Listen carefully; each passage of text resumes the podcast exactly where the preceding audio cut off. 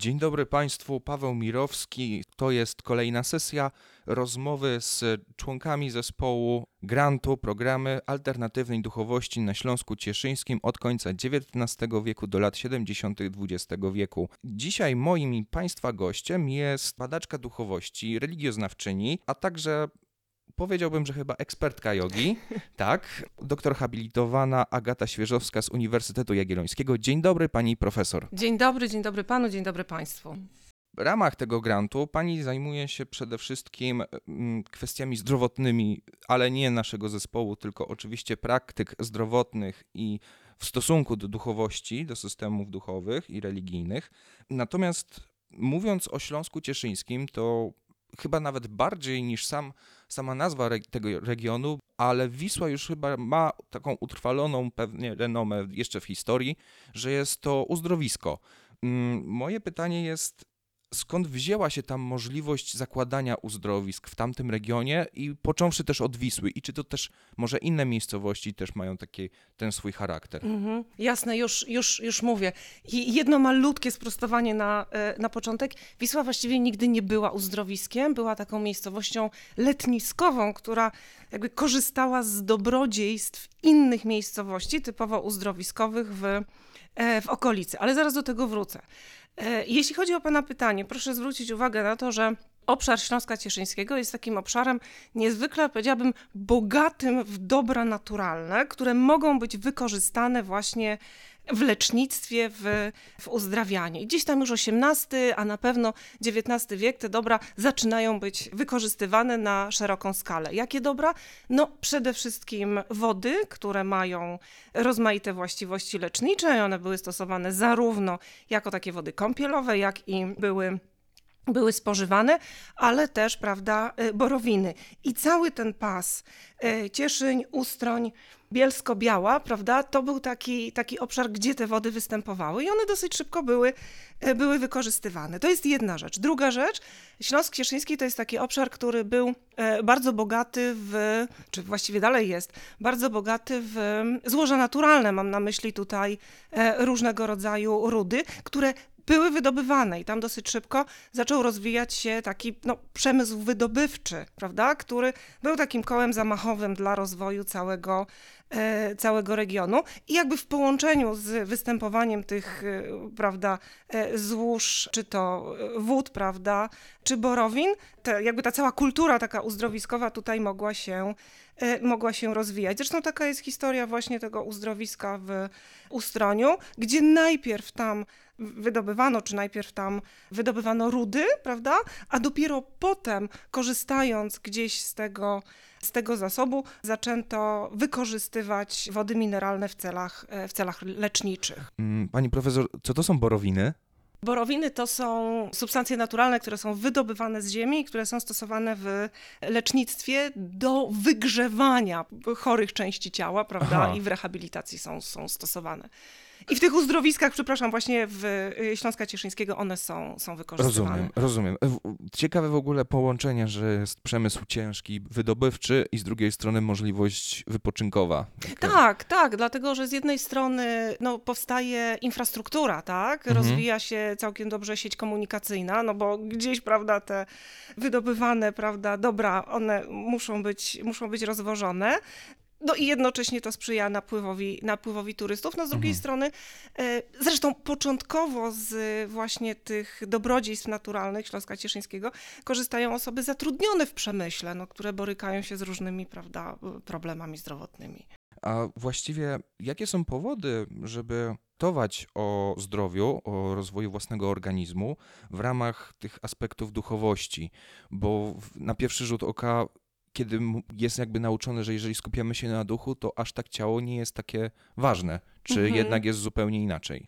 Ja myślę, że to jest takie pytanie, na które można odpowiedzieć dwutorowo, bo cały czas myślimy, mówimy tutaj o, o Śląsku Cieszyńskim. Więc z jednej strony to jest taki obszar, który w sposób naturalny, tak jak sobie powiedzieliśmy, sprzyjał temu myśleniu o, e, o zdrowiu. Zresztą na Śląsku Cieszyńskim rozwija się coś takiego, co wprawdzie nie w odniesieniu do tego obszaru, tylko do innych terenów, ale było określane mianem kultury uzdrowiskowej. To takie sformułowanie ukuła badaczka tego zjawiska Barbara e, Płonka-Syroka. I ona mówi, że Wszędzie tam właśnie, gdzie powstają, powstawały, powstają uzdrowiska, tworzyła się ta kultura uzdrowiskowa, która bardzo mocno łączyła poszukiwanie, takie dążenie z jednej strony do zdrowia fizycznego, prawda, do takiego dbania o ciało, o dobrą kondycję fizyczną, ale z drugiej strony kładła nacisk również na takie dobre, powiedziałabym, samopoczucie, na to, co dzisiaj nazywamy well-being, prawda? Mhm. Poszukiwanie takiego komfortu psychicznego, nawet, nawet duchowego. I Śląsk Cieszyński jakby właśnie ten klimat miał, prawda? Z jednej strony ciało, ale z drugiej strony właśnie coś jeszcze. I to jest jedna część odpowiedzi. Druga część odpowiedzi w tych alternatywnych nurtach mm, duchowości, czy niedogmatycznych nurtach duchowości, jak je nazywamy, człowiek nigdy nie był postrzegany jako um, istota czysto fizyczna, prawda? Tylko zawsze był taką istotą złożoną, no, jeśli można tak powiedzieć, z dwóch elementów, z dwóch części, prawda? Fizis to jest jedno, a jedna część, jedna płaszczyzna funkcjonowania, a ta sfera duchowa, bardzo różnie nazywana, to jest druga część funkcjonowania. I teraz, jeśli człowiek ma być zdrowy, no to obie te części muszą jakoś e, harmonijnie funkcjonować, mhm. prawda? Stąd nacisk na poszukiwanie no, różnych, ja bym powiedziała, takich strategii, prawda, dbania o zdrowie na obu płaszczyznach, w obu wymiarach. Skoro mówimy o kulturze duchowości, to chciałbym mm, dopytać o te organizacje, czy jak zgromadzenia zorientowane na samej duchowości, czy pojawiały się takie hasła, które mogłyby uzasadnić konieczność zainteresowania się regionem Śląska Cieszyńskiego jako mm, regionu, w którym jest jakby powiedzmy naładowany duchowo ze względu mm -hmm. na tę działalność mhm. uzdrowiskową? Mm -hmm. Czy jest taki związek? Ja muszę powiedzieć, że to jest takie pytanie trudne, bo z jednej strony bym powiedziała tak. Mhm. Bo sama Wisła, która no, była takim sercem, jeśli mogę tak powiedzieć, tych ezoterycznych czy alternatywnych tradycji duchowych, ona Zresztą była nawet y, przecież jej, jej walory klimatyczne były pro propagowane, mhm. prawda? tak, tak. I podkreślano fakt, że to jest takie miejsce, gdzie można nie tylko odpocząć, ale właśnie w jakiś sposób siły, e, swoje siły e, zregenerować. Natomiast z drugiej strony, mm, właściwie nie ma takich bardzo wyraźnych śladów, które pokazywałyby, że jest związek pomiędzy, no, no nie wiem, jakąś właśnie tą duchowością, prawda, mhm. tymi rozwijanymi różnymi duchowymi koncepcjami, prawda, których w Wiśle powstawało sporo, a tradycjami uzdrowiskowymi, mhm. tak? Słowem, pomimo bardzo takich, no, głębokich poszukiwań, mnie nie udało się pokazać, udowodnić wpływów pomiędzy na przykład uzdrowiskami, czy, czy jakichś relacji, związków pomiędzy uzdrowiskami, nie wiem, czy to w Czy w Jaworzu, czy w Darkowie, a środowiskiem ezoterycznym Wisły. I tak samo nie widzę takich bezpośrednich wpływów, które szłyby w drugą stronę, prawda? Mhm. Ze strony uzdrowisk do, do Wisły, do tego rozumienia zdrowia, uzdrawiania, prawda, które było rozwijane przez ezoteryków wiślańskich, czy w ogóle Śląska Cieszyńskiego. No właśnie, jak rozumiano to zdrowie przez ezoteryków? Bo już zaczęliśmy o tym mówić, że tu musi być konieczność tak, dbania zarówno właśnie o ciało, jak i rozwój duchowy. A jak konkretnie, skupmy się właśnie na tym aspekcie zdrowotnym mm -hmm, ciała. Mm -hmm. Ja może zacznę od takiej bardzo wydawałoby się trywialnej, nie wiem, definicji, stwierdzenia e, Stanisława Brejera. Stanisław Brejer był krakowskim lekarzem. Nie jestem w stanie w tej chwili odpowiedzieć na pytanie, czy w Wiśle, czy w ogóle na Śląsku Cieszyńskim bywał, czy nie. Natomiast wiem, że jego książki, on był autorem wielu książek e, z zakresu zdrowia, lecznictwa, e, medycyny naturalnej, tej takiej medycyny powiedzmy ezoterycznej, były mm, w Wiśle E, czytywane i to nie tylko przez osoby, które były związane ze środowiskiem ezoterycznym. Stąd, stąd pomyślałam sobie, że odwołam się właśnie do niego. I Breyer mówi tak, że zdrowie to jest normalne działanie wszystkich organów ciała. No jest takie, prawda, stwierdzenie mało na pozór informatywne. Natomiast trzeba troszkę e, głębiej tutaj sięgnąć. Co to znaczy normalne? Czym jest ta normalność?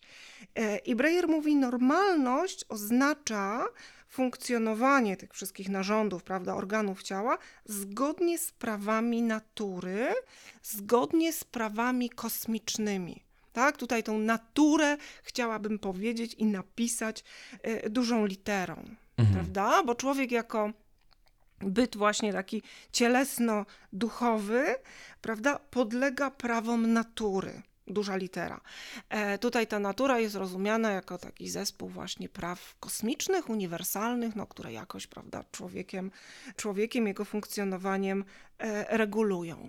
Prawda? I te prawa wyrażają się w naturze, już pisanej małą literą. No i teraz w momencie, kiedy człowiek e, uzyska jakiś taki, taką harmonię pomiędzy sobą a naturą, pisaną dużą i małą literą, no wtedy mm, mamy do czynienia ze, ze zdrowiem. To prawda? chyba jest w takim lekkim kontrapunkcie z tą jakby wolą człowieka i jego działaniem umysłowym, intelektualnym. Przecież nie zawsze możemy myśleć, e, skoncentrowani się na zgodności swoich jakby mm, samej natury wewnętrznej, natury biologicznej, a też tego, jak my myślimy. Czy myślenie jest wtedy zgodne z naturą? Założenie jest takie, że w momencie, kiedy y, człowiek będzie funkcjonował w harmonii z naturą, no to jego myślenie też gdzieś będzie podążało w tę stronę.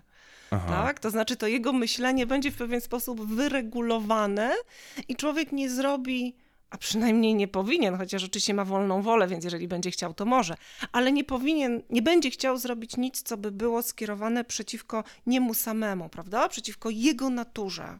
No ale to musiało się jakoś później rozwijać, e, to, ten, ten, bo to jest oczywiście taki jakby fundamentalne podejście, e, niezwykle taki, dają podstawowe zasady uniwersalne, no dobrze, a teraz trzeba jakoś, jak to ma się realizować, to co przedstawił dr Breyer.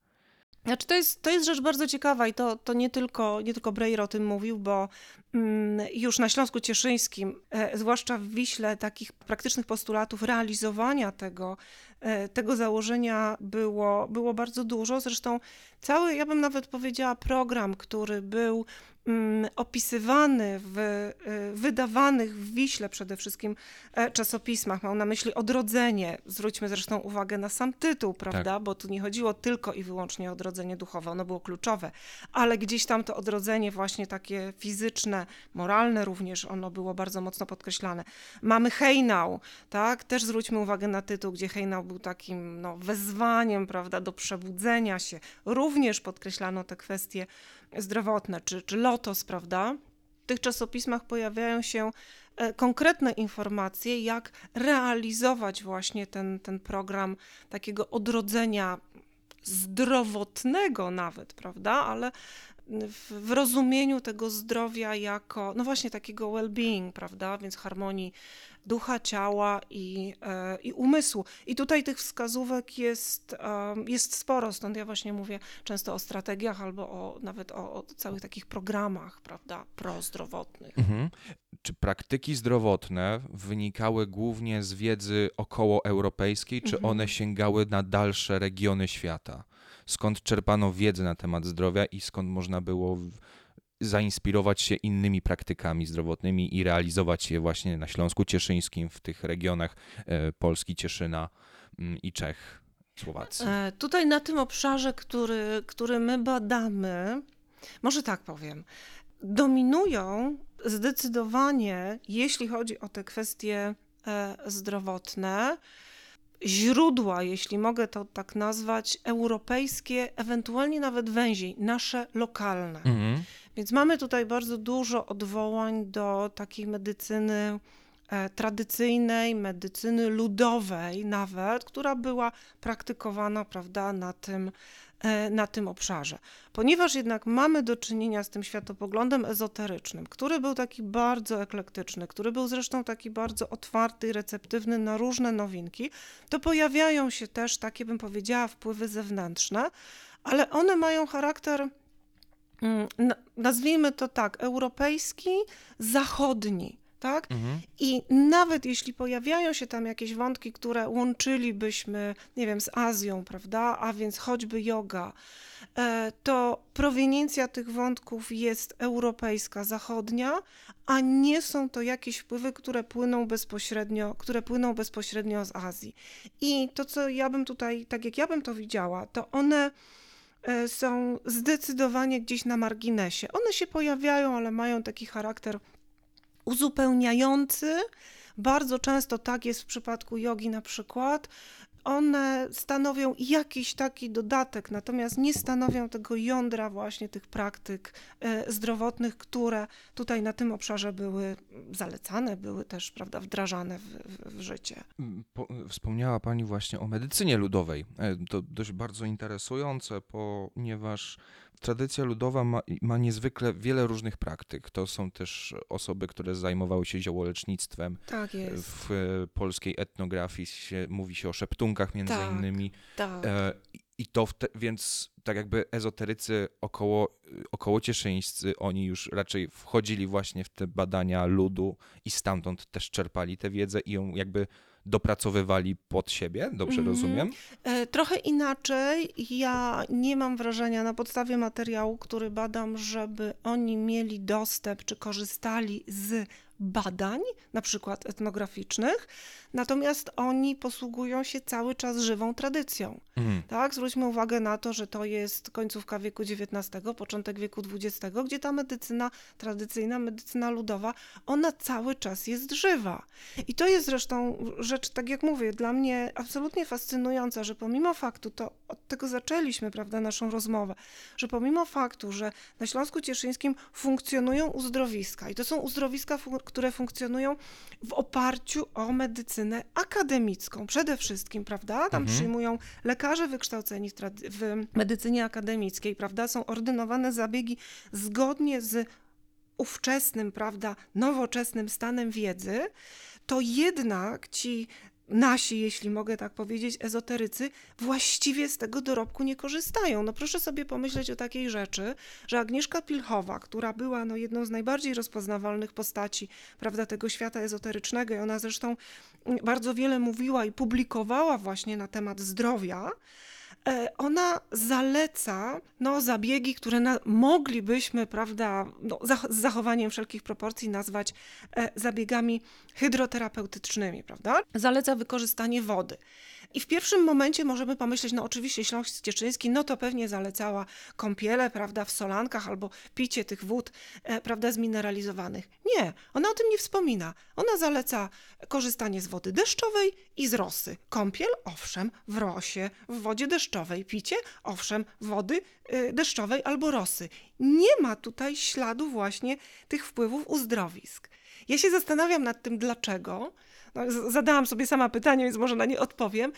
I mój pomysł jest taki, że to środowisko ezoteryczne, prawda, gdzieś tam skoncentrowane czy wysuwające różne, prawda, postulaty lecznicze, ono jednak pozostawało w takiej dosyć mocnej opozycji względem medycyny akademickiej, Mhm. uniwersyteckiej, prawda? I w literaturze Agnieszka Pilchowa, ale całe odrodzenie, tam się pojawia szereg artykułów bardzo, bardzo krytycznych względem medycyny akademickiej. Breyer zresztą bardzo mocno medycynę akademicką krytykuje jako taką medycynę bardzo materialistyczną, która jest nakierowana na y, wręcz gwałcenie praw przyrody po to, żeby przymusić ciało do tego, żeby funkcjonowało tak, jak my chcemy, prawda? Stąd moje wrażenie, moja myśl w tej chwili jest taka, że mamy w przypadku tutaj tych ezoterycznych postulatów, prawda, takich leczniczych, mamy próbę zrobienia takiego kroku wstecz, prawda?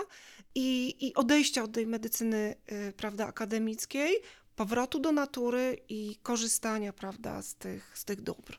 A jednak pod perspektywy materialistycznej chyba muszę o to dopytać, czy jednak, czy faktycznie ta medycyna akademicka i medycyna ezoteryczna, medycyna e, ludowa, one miały, mogły osiągnąć te same efekty?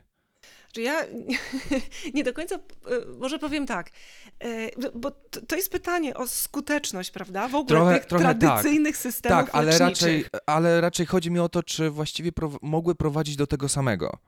A, na pewno zamierzenia były takie same, prawda? Zamierzenia były takie same. Ja nie potrafię odpowiedzieć na pytanie, czy zalecenia Agni Pilchowej były skuteczne w takim samym stopniu, jak zalecenia Też nie o to mi e, chodzi. prawda, lekarza X. Tak, tak, też nie o to mi E, chodzi. Natomiast e, to, co wiemy, Znaczy to jest takie zresztą pytanie, które otwiera y, y, szereg różnych ścieżek.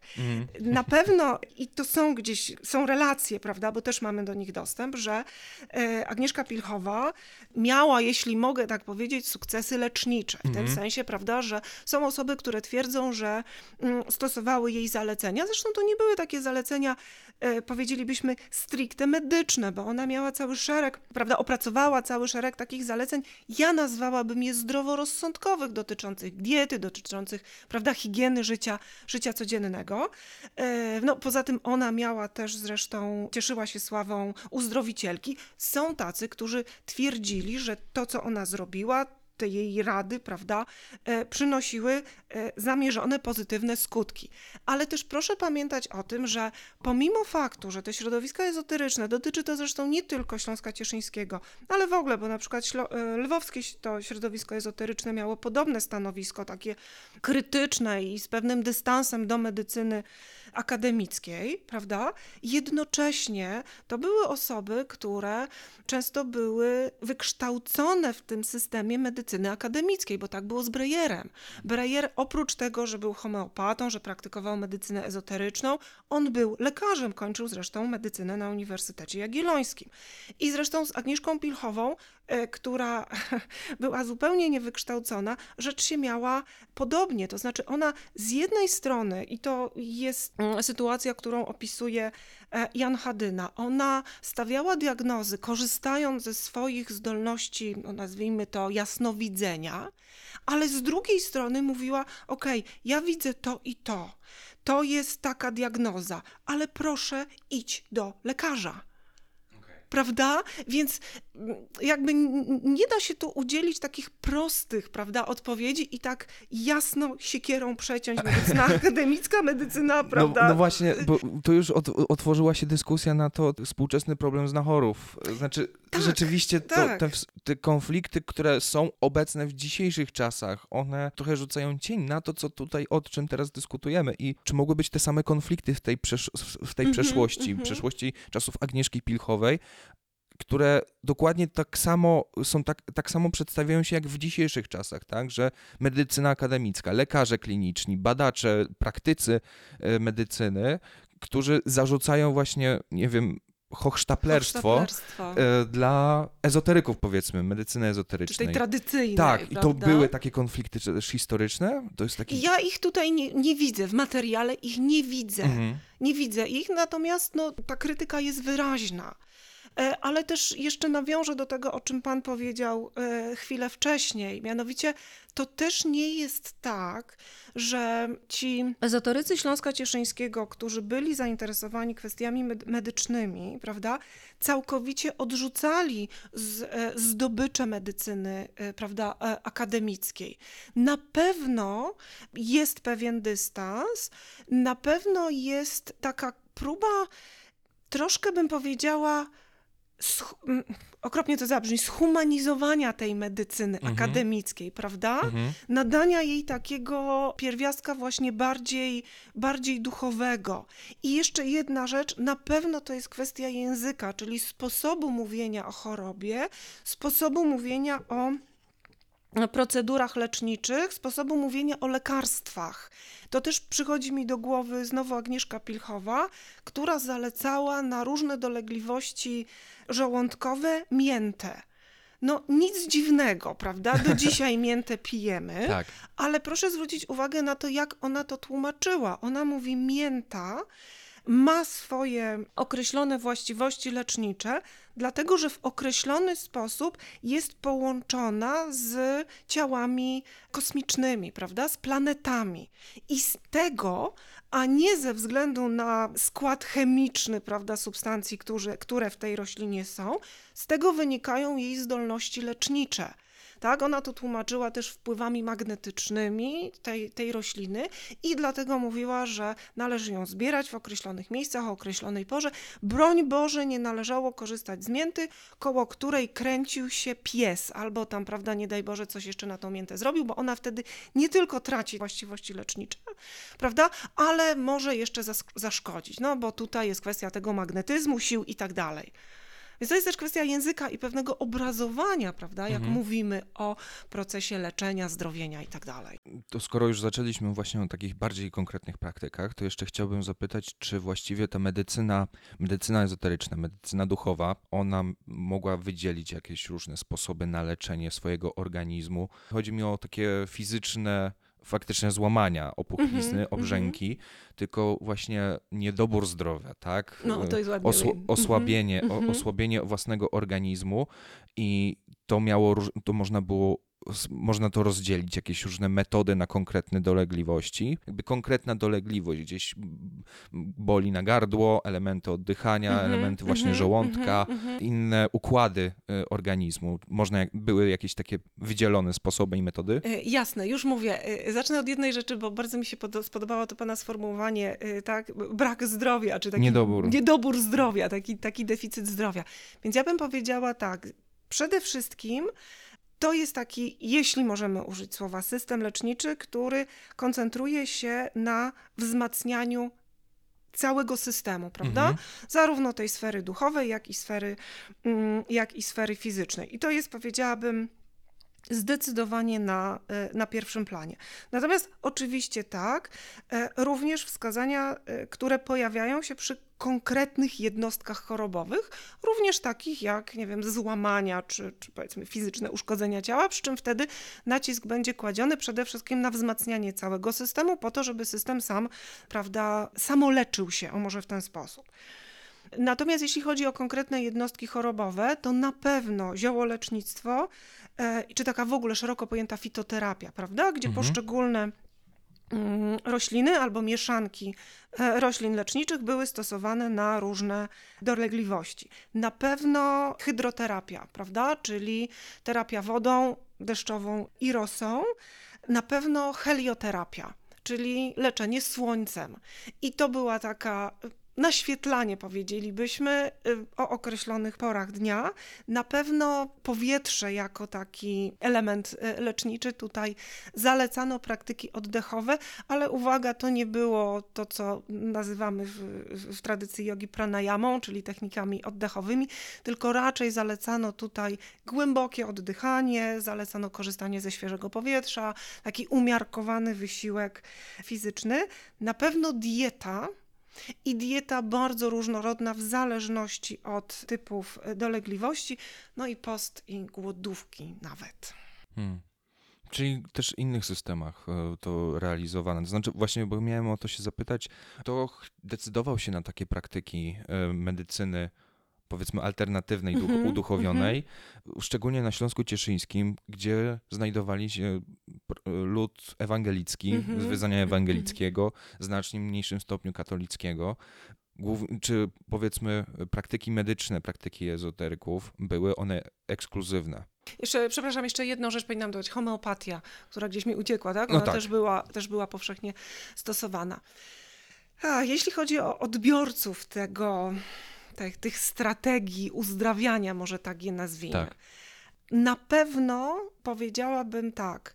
Te osoby, które zaliczyłybyśmy do klasy wyższej inteligencji, Mhm. i ci, którzy przyjeżdżali na Śląsk Cieszyński, czy to jako kuracjusze do praw, ośrodków uzdrowiskowych, czy to ci, którzy przyjeżdżali jako letnicy do Wisły. Aha. Prawda? Często zresztą Okej. to były osoby, które funkcjonowały jakby w obu środowiskach. No i mamy taki bardzo wyraźny przykład.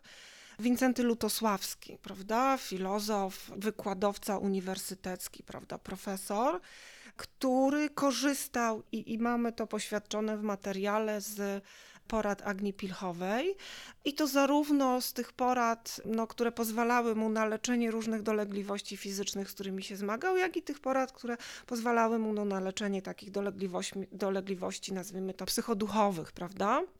Więc to na pewno była taka grupa y, odbiorców. Zresztą proszę zwrócić uwagę na to, że czasopisma, które wychodziły w Wiśle, one przede wszystkim trafiały właśnie do tych osób wykształconych, lepiej Mhm. sytuowanych, prawda? Był Jeśli... wielokrotnie właśnie poruszany ten temat, że mieszkańcy Śląska Cieszyńskiego mimo wszystko byli jakoś wyedukowani w dużym stopniu. Stąd to moje pytanie, czy właśnie te magazyny, zainteresowanie się taką alternatywną duchowością mogłoby trafić do pasterzy, tak, rolników i tak dalej, do E, rzemieślników. Mhm, mhm. To znaczy, ja myślę, że e, jak mówimy o mieszkańcach obszaru, to też zdecydowanie podkreślałabym fakt, że to trafiało przede wszystkim do osób lepiej wykształconych, prawda? Natomiast jeśli chodzi o osoby słabiej wykształcone, tak, ale myślę, bo tutaj trudno też jest, prawdę mówiąc, z materiałem, że były to te praktyki, które nazwalibyśmy bardziej medycyną tradycyjną niż tą medycyną ezoteryczną. I wtedy tak, jak najbardziej. Czyli bez tego właśnie podkładu do naturalizmu zdrowotnego, do tej idei e, zgodności z E, naturą, raczej bardziej taką praktyczną duchowość. Tak, tak. tak. Codzien, codzienna duchowość ludu, tak? Tak, zdecydowanie i powiedziałabym taką medycynę, nazwijmy ją zdroworozsądkową, prawda, Mhm. która była praktykowana w domach. Tak, rozumiem. Prawda? I która mogła mieć, i, i w wielu przypadkach miała nawet taki, taki odcień czy wymiar magiczny, prawda? Bez identyfikowania tego Tak. jako, jako wymiaru magicznego, to o czym Pan wspomniał na samym początku, prawda? No, no nie, na tym, nie, nie, nie na tym terenie, no ale szeptuchy, prawda? No to to jest właśnie taki kazus. No tak, poruszyliśmy niesamowitą ilość tematów, a niestety nasz czas się na tę rozmowę skończył. Ja mam nadzieję, że mm, może znajdzie się jeszcze okazja w przyszłym roku. Mm, Na, na tę chwilę rozmowę z panią profesor Agatą Świeżowską kończę, zamykam. Pani profesor serdecznie dziękuję za przekazanie nam wiedzy na temat uduchowionej medycyny ezoterycznej na Pięknie. Śląsku Cieszyńskim. Dziękuję. Pięknie dziękuję za zaproszenie. Dziękuję. Do następnego razu.